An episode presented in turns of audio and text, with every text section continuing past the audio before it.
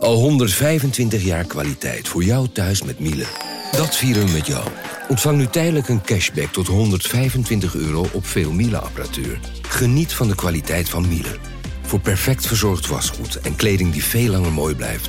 Voor een stralend schone vaat, even perfect als jouw diners. En een stofvrij thuis waarin echt hygiënisch schoon de standaard is. Check miele.nl voor alle feestelijke aanbiedingen. Ik ben al jaren ondernemer, maar waar moet ik eigenlijk allemaal aan denken nu ik voor het eerst personeel wil aannemen, voor het eerst ga importeren of voor het eerst een bedrijfslocatie zoek? Weet wat je wel of niet moet doen bij zaken die je voor het eerst oppakt. Check kvk.nl voor praktische stappenplannen. KVK, hou vast voor ondernemers.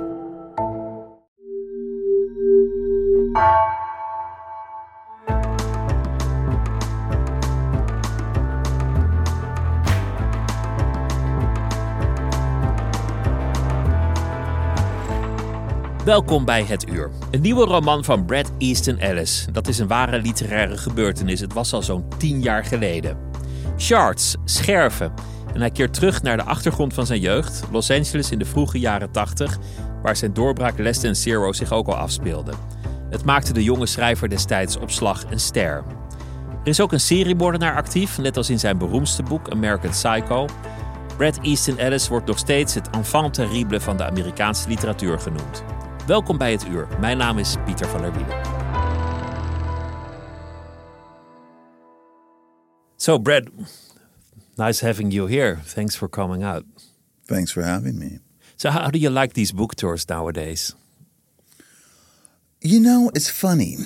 I was talking with Douglas Coupland, the author who coined the term Generation X uh, Canadian novelist, uh, quite well known in his country, and I think known in other parts of the world. And he uh, emailed me um, before I started this tour last week, and he said, You're doing a book tour? Why are you doing a book tour at your age? You're 58. My God, why do a book tour? And I said, Well, yeah, you know, I owe it to my publishers and everything. He said, But haven't you aged out of hooking up with groupies? I mean, haven't haven't the fun of the book tour is like meeting people to like you know have sex and go to parties and like hang out late at night in the hotel bars and all that stuff. That's why you go on a book tour. At 58, you don't feel that. At 58, you don't feel the need to exhibit yourself in quite the same way you did when you were younger and you had more energy and you had more stamina, the book tour becomes kind of work and it takes you away from those comforts you have, you need as you age. And so for me, I haven't been to a party in three years. I don't go to screenings anymore. I have a partner I've lived with for 13 years. My ideal night is to finish work around seven o'clock, seven fifteen, and then have my martini. I have a martini, and then we look around for something to eat in the kitchen. We decide on a TV show or a movie, and then I get into bed. That is the perfect night. And then I wake up whenever I wake up. So, so you're also kind of like out of your comfort zone right now. This I am is this is like being derooted. I am completely out of my comfort zone, but I'm feeling it in ways that I never felt it on earlier tours. I remember I really didn't do a book tour until my fifth book, until Glamorama, uh, Less Than Zero. I was still in college. I wasn't taking time off. I was serious about graduating. I wasn't going to take three months off to do a book tour. So I got out of that with Less Than Zero when I was a, a college kid. And then Less Than Zero was a fairly successful novel.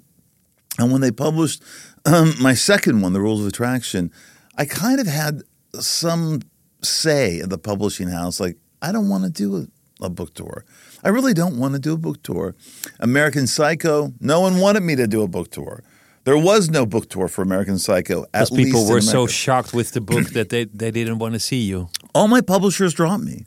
30 European publishers dropped me. You were canceled before it was even a word. I was. I was canceled in America, canceled all across Europe, except for the UK. They were the only publisher that did not cancel me.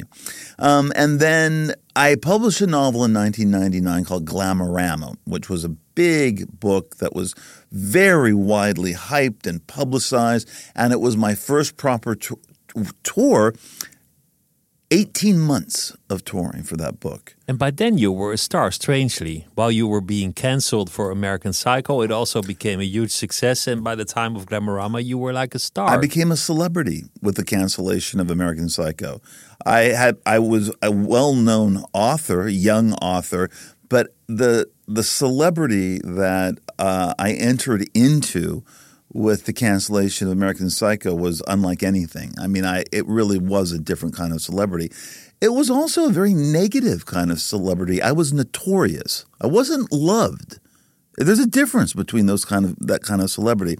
It wasn't like, "Oh, we love him now and he's so wonderful." It's like, "What a dick. What a terrible person. Who could possibly create Patrick Bateman?" So I was notorious and the celebrity was not warm and embracing. It was hard and it was filled with a lot of criticism. And it's been that way ever since. It really is up and down with me. I am not in America uh, a beloved literary figure. I'm often, I am the Notorious. worst reviewed writer of my generation. Is there also a part of anxiety when you go on a book tour, when you have to meet people, be interviewed? Uh, no, not anymore. I, I, I don't have that. The only anxiety that I do have, and we were talking about this a bit earlier before we started taping, is that I get nervous before making an appearance in front of people on a stage with a live audience, which happened last night. And I do need about five minutes alone in whatever the dressing room is backstage to decompress a little bit. It used to be a lot worse. I used to get sick. I used to throw up before I went into a thing like that in uh, you know whatever how many people were there last night 400 people i don't know how many what there's a lot of people to go in front of and they have expectations and you're expected to perform in a way i don't perform i'm just myself You have to entertain them. well, well, you know, you're, that's that's the pressure. But I don't. I just feel the need to be authentic. I can't fake it and just like be entertaining for entertainment's sake. You know, I have to be myself, or else I can't do it. I And can't. I can't. I can't go on there and put on a performance for an hour and a half, which is what was required of me. So I'm just myself. That's but the I, funny thing about, about writers that you know you become a writer by, well, basically being all by yourself in your little room writing, and and being in your head with your own fantasies and thoughts, and then once you become a success at it, you're expected to be an entertainer, to be outgoing and meet everybody and, and be a star. I think that era of the writer's over. I think we're talking about an earlier era to a degree. I could be wrong, but I don't see the writer as a star in the way that he once was. I'm talking about the uh, era of where I think it is dying out uh, with the. I'm thinking of American writers like Philip Roth, um, Norman Mailer, uh, Joan Didion, f- huge figures, huge literary figures. Susan Sontag, let's say. Uh, I don't know what the equivalents are here uh, in Amsterdam or wherever, but there was a kind of rock star presence about major literary American writers. I don't see it anywhere today. I don't know where that is. Writers are not at the center of the culture anymore. At least They don't appear on television hardly. hardly ever. Um, they just don't carry the same weight that they once did. Um, I think in some weird way, I'm reminded that I'm the last of a breed when certain people tell me about, oh, they remember reading my books in the 80s or the 90s and how glamorous it all seemed. And I know that there has been, a, there was a very big podcast that was uh, very popular in the States about uh, Donna Tartt and uh, myself and another writer, Jonathan Lethem. We all went to the same university together. Uh, the podcast is called Down and Out at Bennington College, about 14 hours long. Esquire has done a story on that period and us as well. And it seems that people are interested in that last gasp of celebrity for a writer that was fairly big, you know, fairly big. I mean, I remember New York where writers, novelists were asked to walk the red carpet at movie premieres and people would take your pictures. And I remember doing, you know, fashion layouts for magazines at industrious studios in New York and wearing, you know, modeling the latest Armani or Calvin Klein. A bunch of writers, we were all down there. And it just seems like such a long ago era, but I also think novels mattered more. There was something about the uh, about that that that time that just doesn't really connect to now. So now you can go on the streets, you can go down a, a bar, you can go anywhere, and people don't recognize you. I was never recognized. That's the thing with that's the thing with being a well-known writer. No, no. They, when they would see uh, the credit card in a restaurant, if I lay down a credit card, or if I paid with a credit card in a department store and they saw the name, then I would be recognized. But I rarely, if ever, am recognized in public. I have a couple of friends who say they disagree with me. They say that they notice that I am recognized, but those people just don't want to come up and say hello to me. Because you're notorious. Let's talk about the book, because I love the book. We talk uh, about the shards? Yes. What's it called here in Scherven? Scherven, okay. Yeah, a lot of themes that, that you talked about in earlier books reappear in this book, but but I feel this is the book that you wanted to write for a very long time. That maybe earlier books were kind of like side paths to this story that you wanted to tell. Well, I wanted to write this novel for a very long time and could never figure out a way how to do it. I thought of this novel in 1982 when I was 18 years old. I was actually working on my first novel, Less Than Zero, when I interrupted Less Than Zero with this idea for the shards. And I suddenly wanted to write the shards because of a series of things that happened to me that really were the um, events that changed me from an adolescent into an adult. A kind of corruption occurred. I know that sounds very dramatic, but for everyone, it's a different age, I suppose. But for me, it was that senior year of high school, 17, 18, where a series of events happened that kind of changed my life and moved me into adulthood. And I wanted to write about that. I really wanted to write about all of these things that had happened to me and the person that I was and how I changed, how I changed that year and had a bunch of realizations about myself and being a writer, and especially the dangers in being a writer that it could be, if not controlled properly, a dangerous kind of superpower, and you had to control it in a way.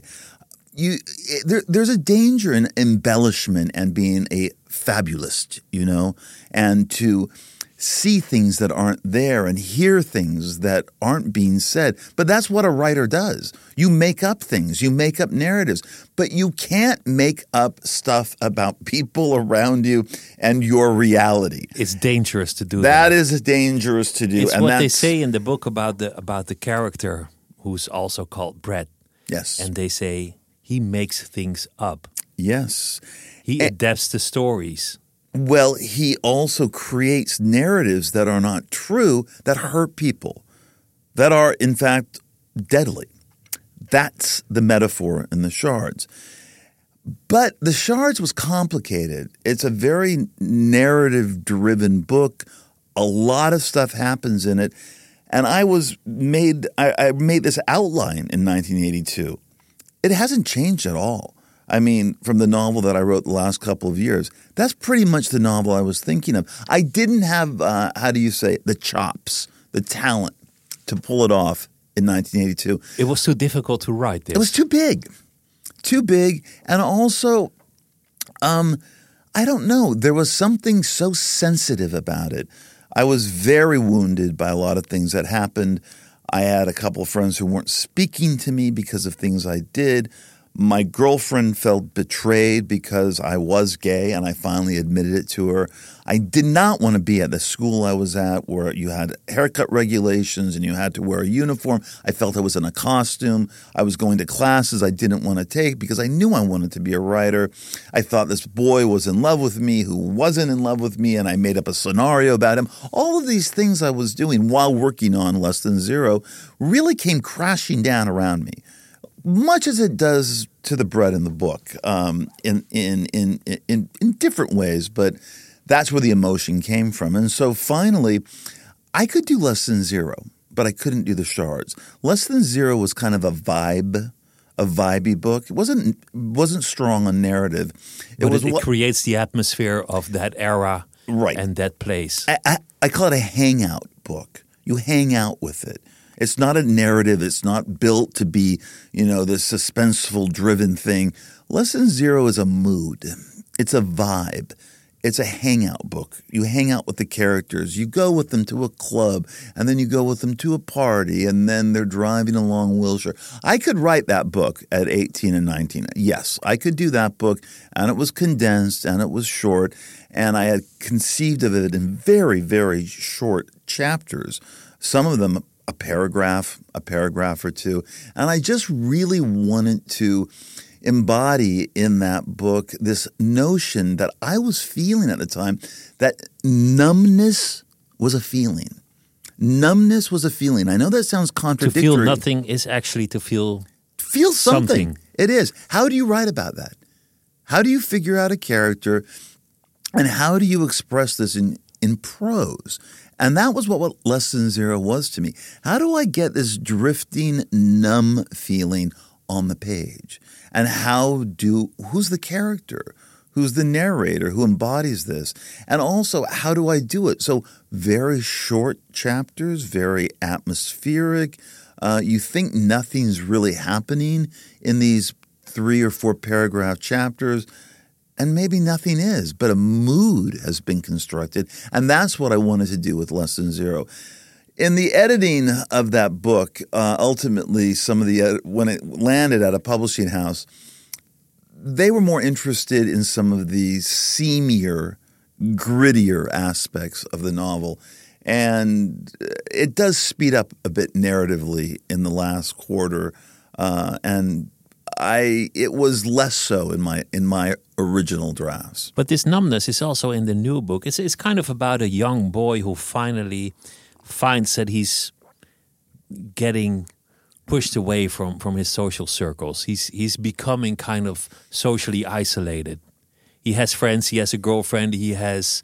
Um, you know, boyfriends at school. He, he's he's part of the social circle, but but he becomes isolated. He becomes kind of like a sociopath in a way. Well, he kind of reminds me in some ways of Patrick Bateman from American Psycho, who says at one point or at two points, I want to fit in. I want to fit in. That's what Patrick Bateman says. He wants to fit to in, his but fiance. he can't. But he, he can't. won't. And I see the Buckley School where the Shards takes place very much like the Manhattan in the late 80s that Patrick Bateman is stuck in. Brett is stuck in a similar situation. He wants to fit in. But fit into what? What what happens when you when you realize there's really nowhere else to go? The world is the world. Manhattan is Manhattan. People are people. High school is high school. So what happens? Well, you try and fit in and maybe you go a little bit mad, you know, by by trying to play this part. And I think what the shards mirrored about my life is that I thought at a certain point in high school, I was going to really make an effort. I was really going to make effort an effort. to fit in, to be part of it. Part of it, like I lost some weight, I worked out, I cut my hair, I looked really good, I dressed differently, I got this new car, and boom, I was dating the most popular girl in school. Boom, I had a couple of uh, having sex with someone who was on the football football team who was closeted. A total cliche, I know, but I suddenly found myself in kind of a, this popular clique. I myself was not necessarily popular, but I became popular because I was part of this clique. Now, I could only keep it up for so long because it wasn't me. I wasn't being authentic. I was being what I call myself in the shards the tangible participant, someone who is trying to participate in the everyday life of high school. I kind of got away with it for a while. And then I didn't. I just could not keep up the But, facade. but it's, it's, a, it's a world of pretty people that have money, that go to the cool places, that wear the right clothes. It's tell, tell me a bit about this time, the early '80s in LA, where, where, where this book takes place. What, kind of era was that? Well, the more I look back on it, the more I think of freedom. There was a freedom there that just doesn't seem to exist today. There was a freedom from our parents. There was a there was a a longing to become an adult. You wanted to become an adult. You couldn't wait to become an adult. I do not see that now at all. I see people wanting to stay children, wanting to. I think seventy percent of the people who who have bought um, who uh, stream the Disney Channel who uh, are like over thirty. you know, people cosplaying at Comic Con in their forties, whatever. That that would have been absurd to us as 17 and 18 year olds who wanted to enter into the world of sex and adulthood and money and careers and all of this stuff. That's what we were striving for. And so I think I think that that was a big difference. And I also think that, you know, there are so many things that are different about 1981 than now. But what I remember mostly about Los Angeles, at least, was that there was this vast freedom caused by mobility. You got your car at 15 and a half in LA. You got a learner's permit. You got your learner's permit from the DMV, which meant you could technically drive, but you would be you would supposed to be with a with uh, an adult. Most of us weren't. We were 15 and a half driving cars all over the place. And then at 16, you got your car, you were mobile. That's when you became an adult. That's when I stopped seeing my freedom. parents. You could go places And, Anywhere. and this this Brett in the book, he he has a 450 SL Mercedes, which in my opinion is the, the, the best car ever designed in the history of mankind. well, I agree, But but it- it, but it, but it was an expensive car at the time. but it wasn't mine. It was my father's. I did not have that you couldn't afford that. But to Oh. drive it even, Oh well, I did drive it um, whenever I could because, as you say, it is the greatest car made in the history of automotive industry. Okay, it is. Period. But it wasn't mine. It was my dad's. And in the novel, he is away.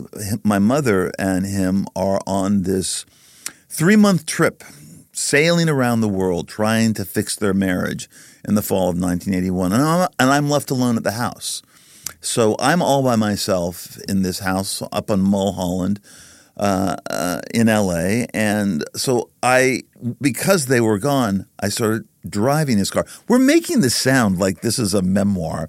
We're making this sound like this all which really which, happened. which it isn't.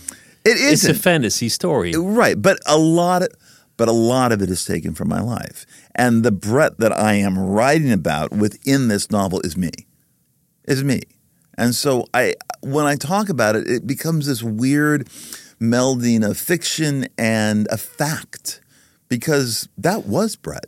But people die in the book, and, and, and horrible things take place, and it, it, becomes total horror at some points. So it's also dangerous in a way to make that up, to to use yourself and your own history, and to to turn it into something cruel. Yeah, but for me, it's all because I'm the writer of it. I see the metaphor of it all. I see that the trawler, which is a serial killer that haunts the book, is a metaphor for creativity and being a writer in a way itself, as someone who is forming narratives through murders, home invasions. They're uh, what they do to the bodies are very creative. So that's a metaphor. Very for- horrible things. He, he mutilates the bodies in, in ways you cannot even imagine. Um, there's Well, all you can imagine them, but Well, well, yes, You did. I did, and I also see, um, you know, I, I see the book, the horror aspect of the book, the crime aspect of the book. To me, was always a metaphor for a writer's life, and um, how there's not a lot of difference between being a writer who embellishes, makes up narrative, creates stories, uh, creates um, terrible uh, scenarios, wonderful scenarios, with that of a serial killer who is also creating a kind of narrative, who is also inducing an emotion from people who are reading about them. This serial killer, serial killers also often send letters and notes to papers. Well, they used to. There are there really are no serial killers anymore. Mass shooters are the new serial killers. Uh, serial killers can't exist and and and act uh, on their own for years now because of technology. Phones. They would be caught Close. They'd be caught in a minute. So that's that. That was a very 70s and 80s thing. Growing up with serial killers all over the place, we almost didn't take it seriously. It But, was but just so writing is, constant. is something very innocent. No one dies. No one gets hurt. People get hurt all the time with writing.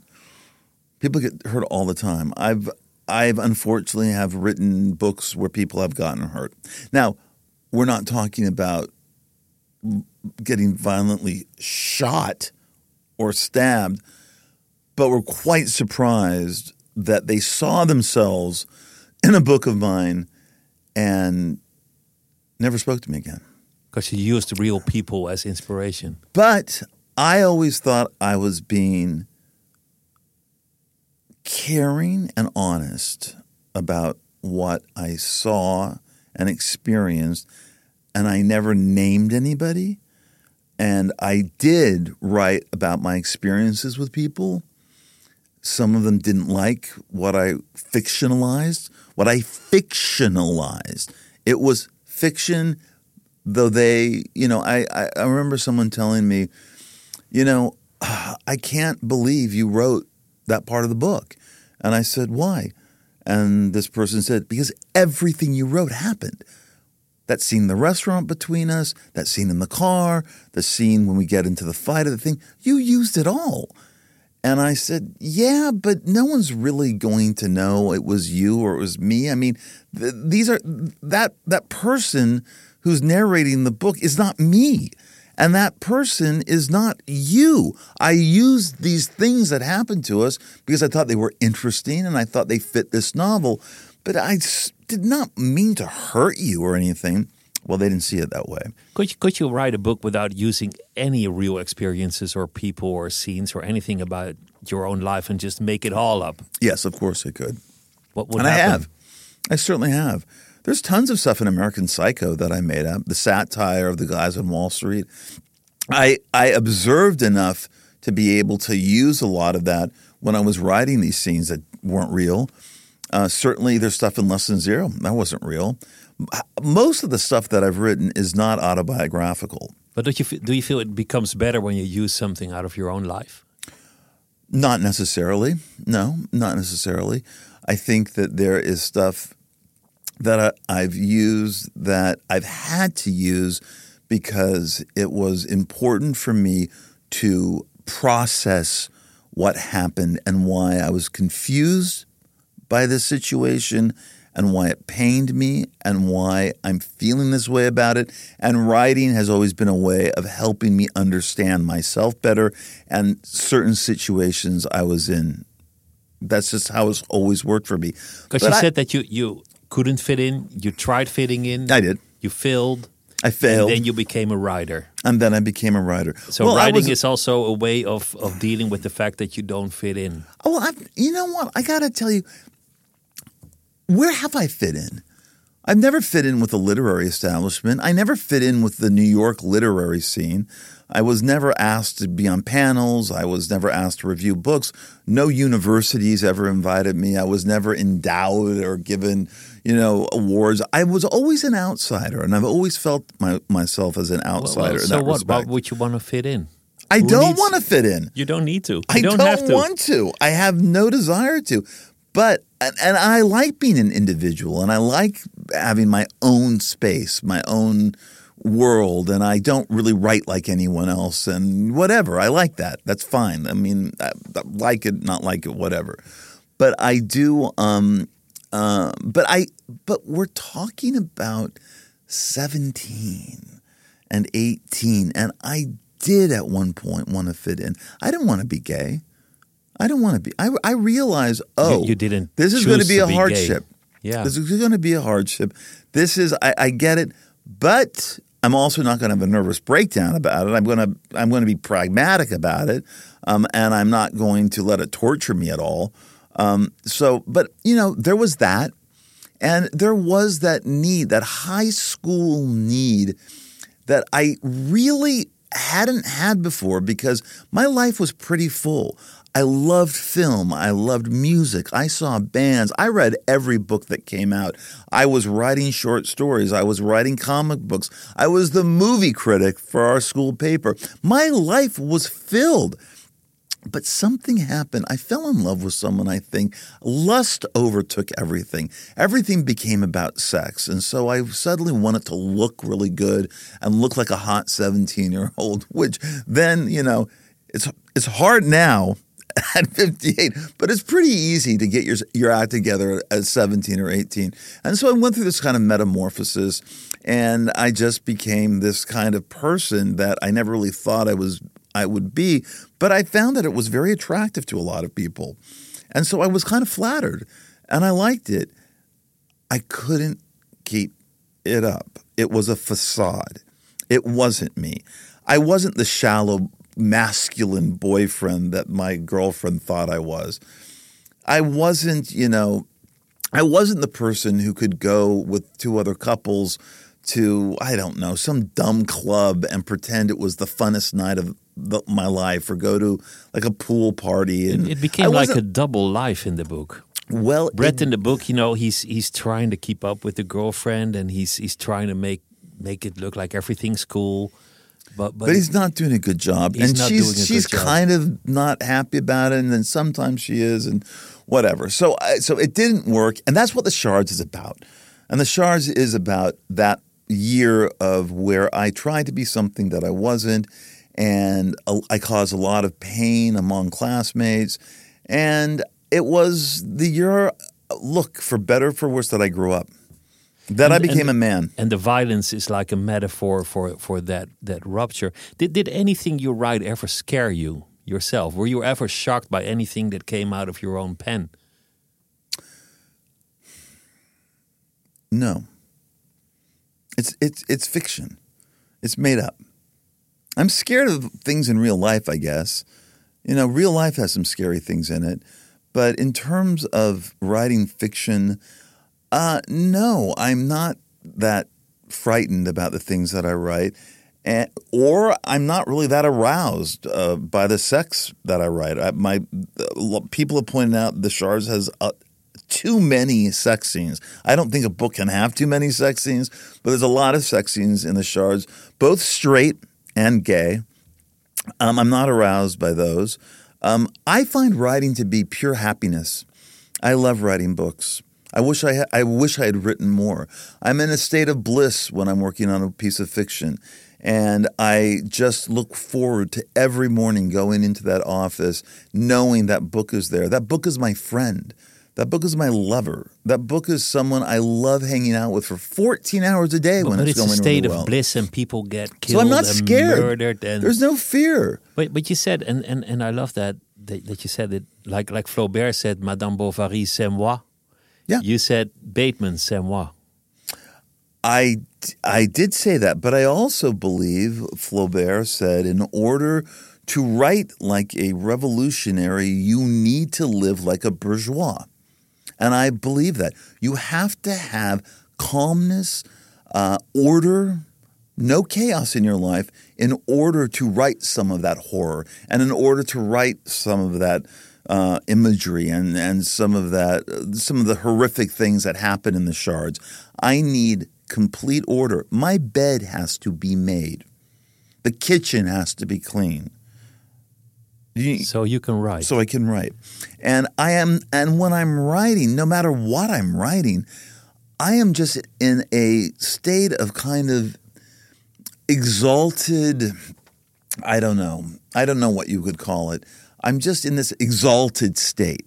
And I love being there and I love figuring things out and I love rewriting and I the whole process is so pleasurable and to me. making it work and working out. Scenes. so I would never be scared of something that I but, wrote. but it's also and, and you know American Psycho is very much about people who live for the outside. They they go to the right places, wear the right shoes, they they say the right things, they they living a facade. But also it's about the darkness of people. The things they cannot talk about, the things they cannot show to one another. There might be a serial killer in each and every one of us, at least in our fantasies, maybe. We all have dark sides that we rather wouldn't address and it, and it's it's interesting to see that in a book that people can have those double lives. That seems to be a, a theme in, in most things that you write, in, in some way. The um, darkness. that's life. That's truth. That's reality. That's authentic. To not write about that or to deny this duality that we all have is is a lie and I think immoral. I think we do it in society where everyone is expected to be this perfect, bland uh, person who says the right things all the time and follows in with whatever the acceptable group speak is of the moment and is being turned into neutered little sheep. I mean, that's happening in society. That's not a real person. A real person is messy. A real person, a real man has sexist thoughts, if you want to put it that way. Uh, we're all racist, I think, to some degree or another, if we really want to have that conversation and lay it out on the table and talk about it. But our society doesn't want us to. Society really wants to push all that messiness, all that realness about us, and make us into these clockwork oranges.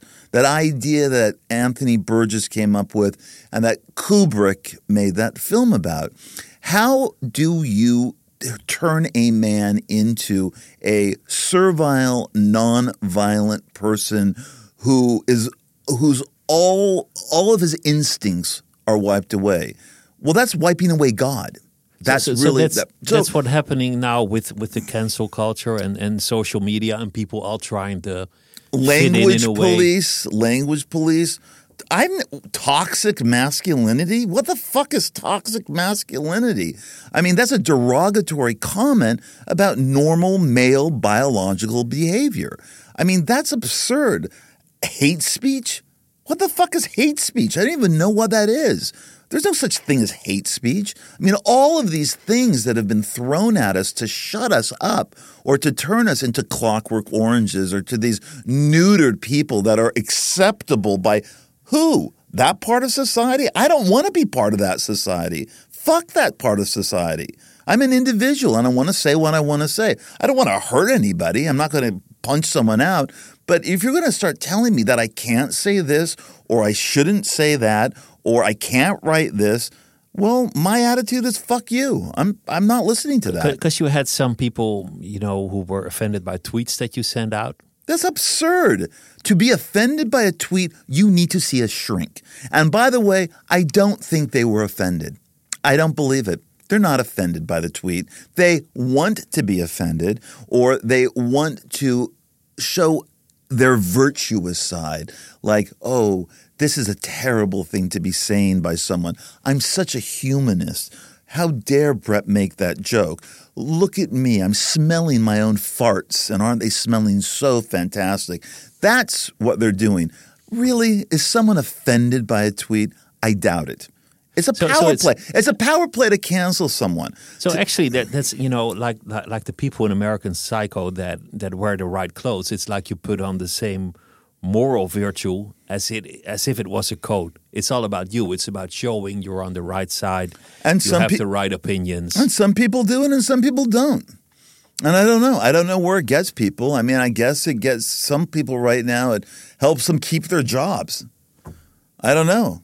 afraid I mean, to be fired. Maybe it should be a rule not to tweet anything after after nine o'clock in the evening or after. I haven't tweeted anything in years. I don't even control my own Twitter site anymore. It's controlled by my publisher and by a couple of people who run my Patreon site where my podcast is. I, I haven't tweeted anything So- so because tw- Twitter's not fun. Twitter's lost its fun. I wrote about this in White, uh, my my book of essays, a chapter about Twitter and how it changed and how it evolved and how it was so fun when it was the Wild West and you could be obscene on it. You could say anything you want, and that's what Twitter seemed to be like. It, it the the fact that it turned into this sort of like I'm better than you, virtuous, like, you know, machine was a horrifying shock. And that people were going to cancel you or get mad at you because of a dumb joke you made. I mean, that was when Twitter was, uh, you realized, okay, I'm out of here. Can't do it. Doesn't work. And I still think that way. So I haven't been on Twitter in a long time. But it, but it could be one of the functions if, if literature has a function to to show the dark side, explore the dark side, say the things that you otherwise cannot say, to to kind of explore the boundaries of society in a way, to to be morally free of all that pressure.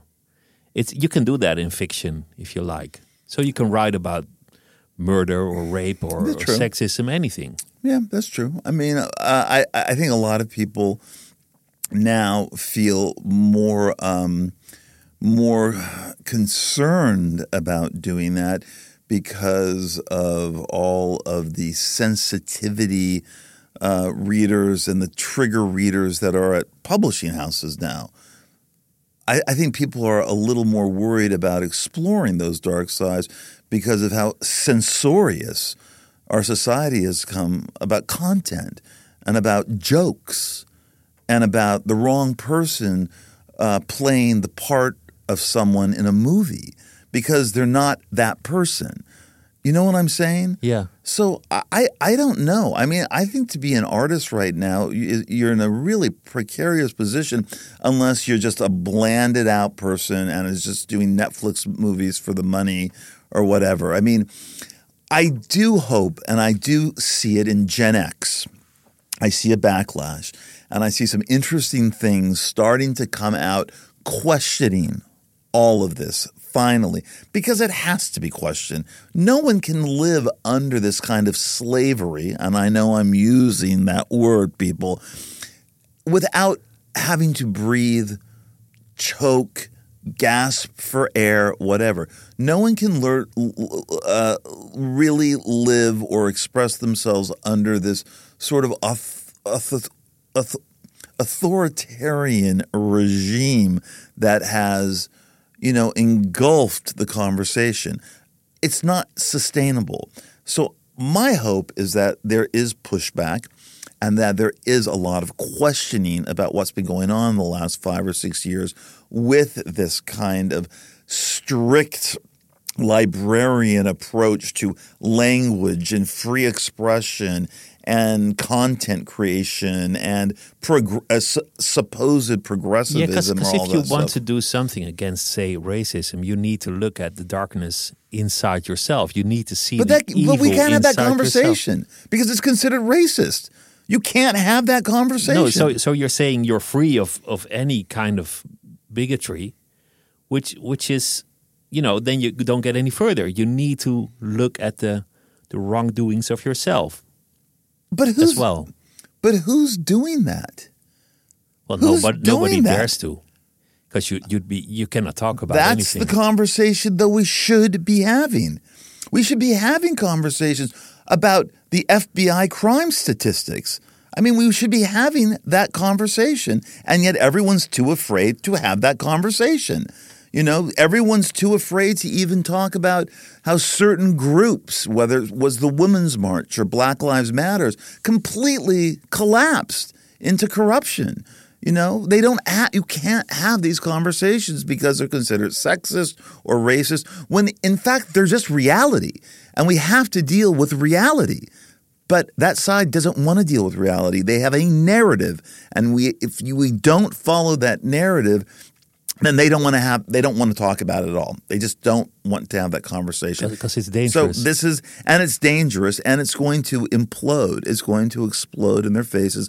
This I talked about all of this in white in 2019 and I lost friends. I lost liberal friends uh, who just did not like at all what I was proposing.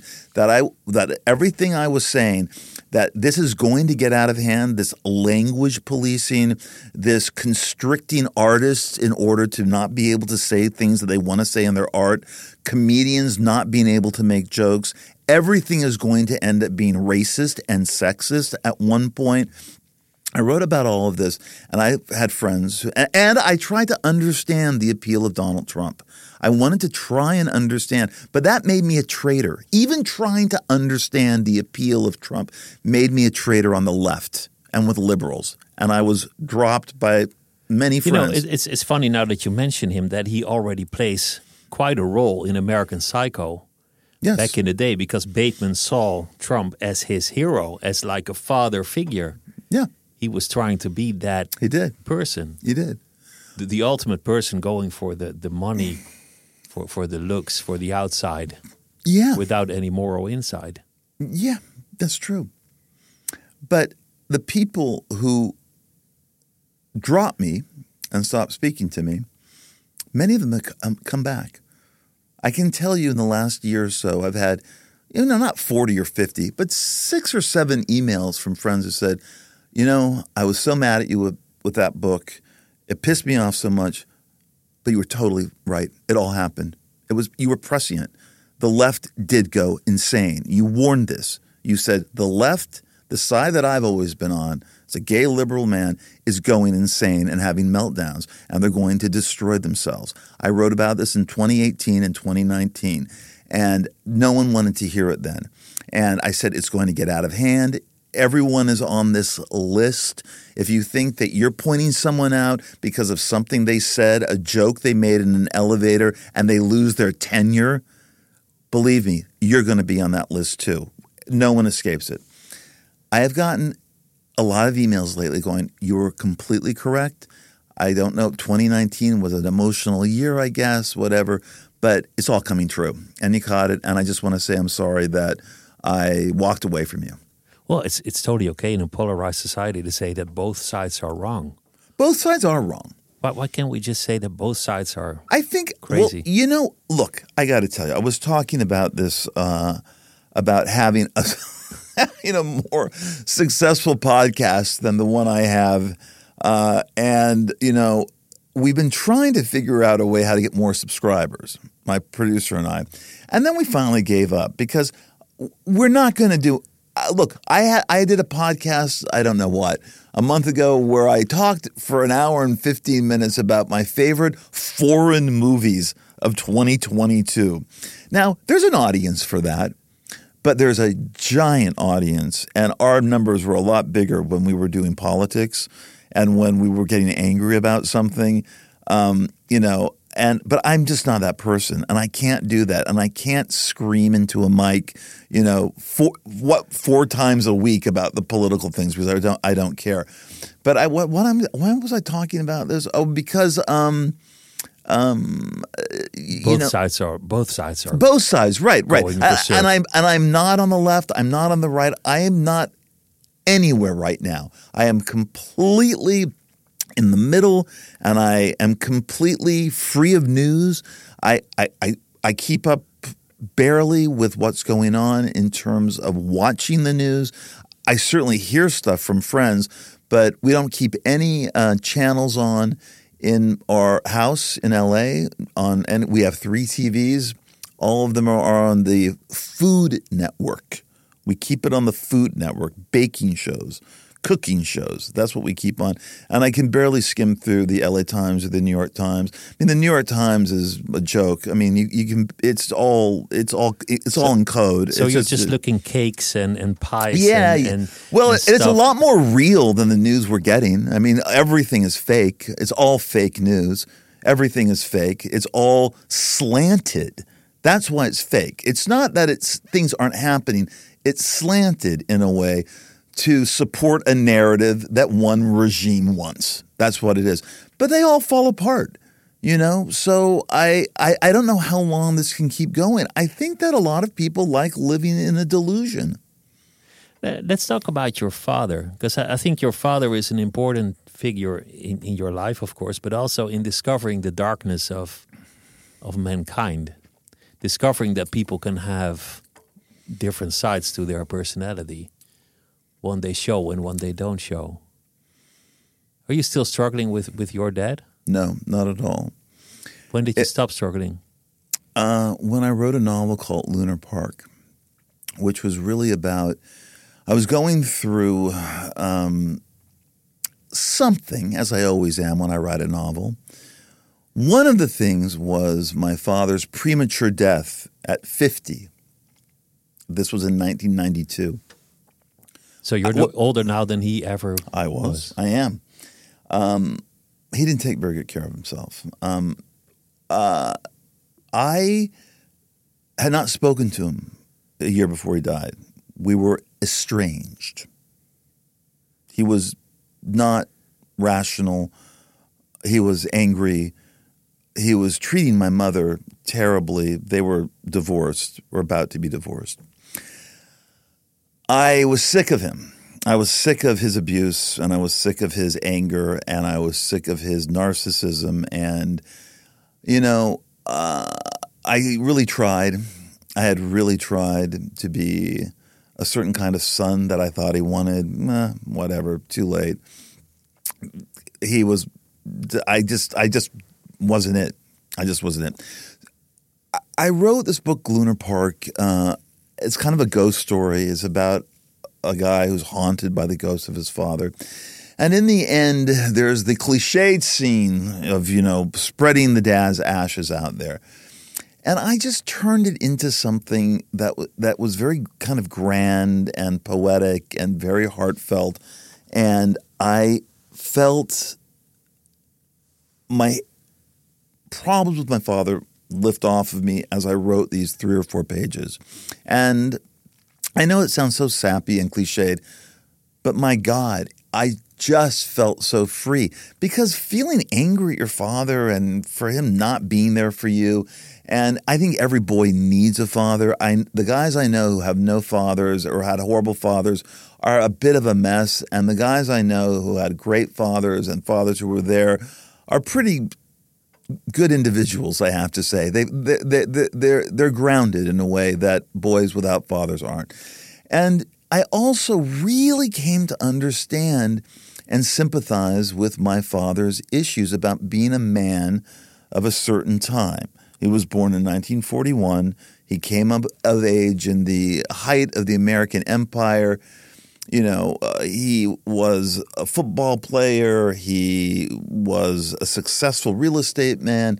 And I think he had expectations about his children that just were not realistic. And I was the son that just wasn't the son he wanted. You didn't And live he up to checked the out. picture. He checked again. out. Yeah. ch- yeah, he checked out. Would, would you have would you have become a writer if he he had treated you differently? This haunts me. This haunts me. It haunts me that notion. That notion. Did I become the artist and the writer that I did become because of my father's neglect and abuse? And it, uh, you know, the answer more often than not is yes, because without that, I I wouldn't have escaped into novels at such an early age. I wouldn't have escaped into the world of movies where I could hide in a movie and be a voyeur. Uh, I wouldn't have I wouldn't have been I, I think it sparked my creativity. I but some days I wonder would I have been happier? Would I have been more well adjusted? Would I have been better at business? I'm a terrible businessman. Would I have been better at business if my dad had been there for me, helped guide me through childhood and adolescence? And the answer is undoubtedly yes. He just didn't. So, you know, you win some, you lose some. I think now, at, a, at this point in my life, I am grateful in a lot of ways because I forgive him, so I can be grateful. I forgive my dad uh, that this is how it landed for me, that this is how it happened. He So- so turned me into an artist. There's also this this notion that comes with it that you can come closer to truth by going into your fantasy, by fiction.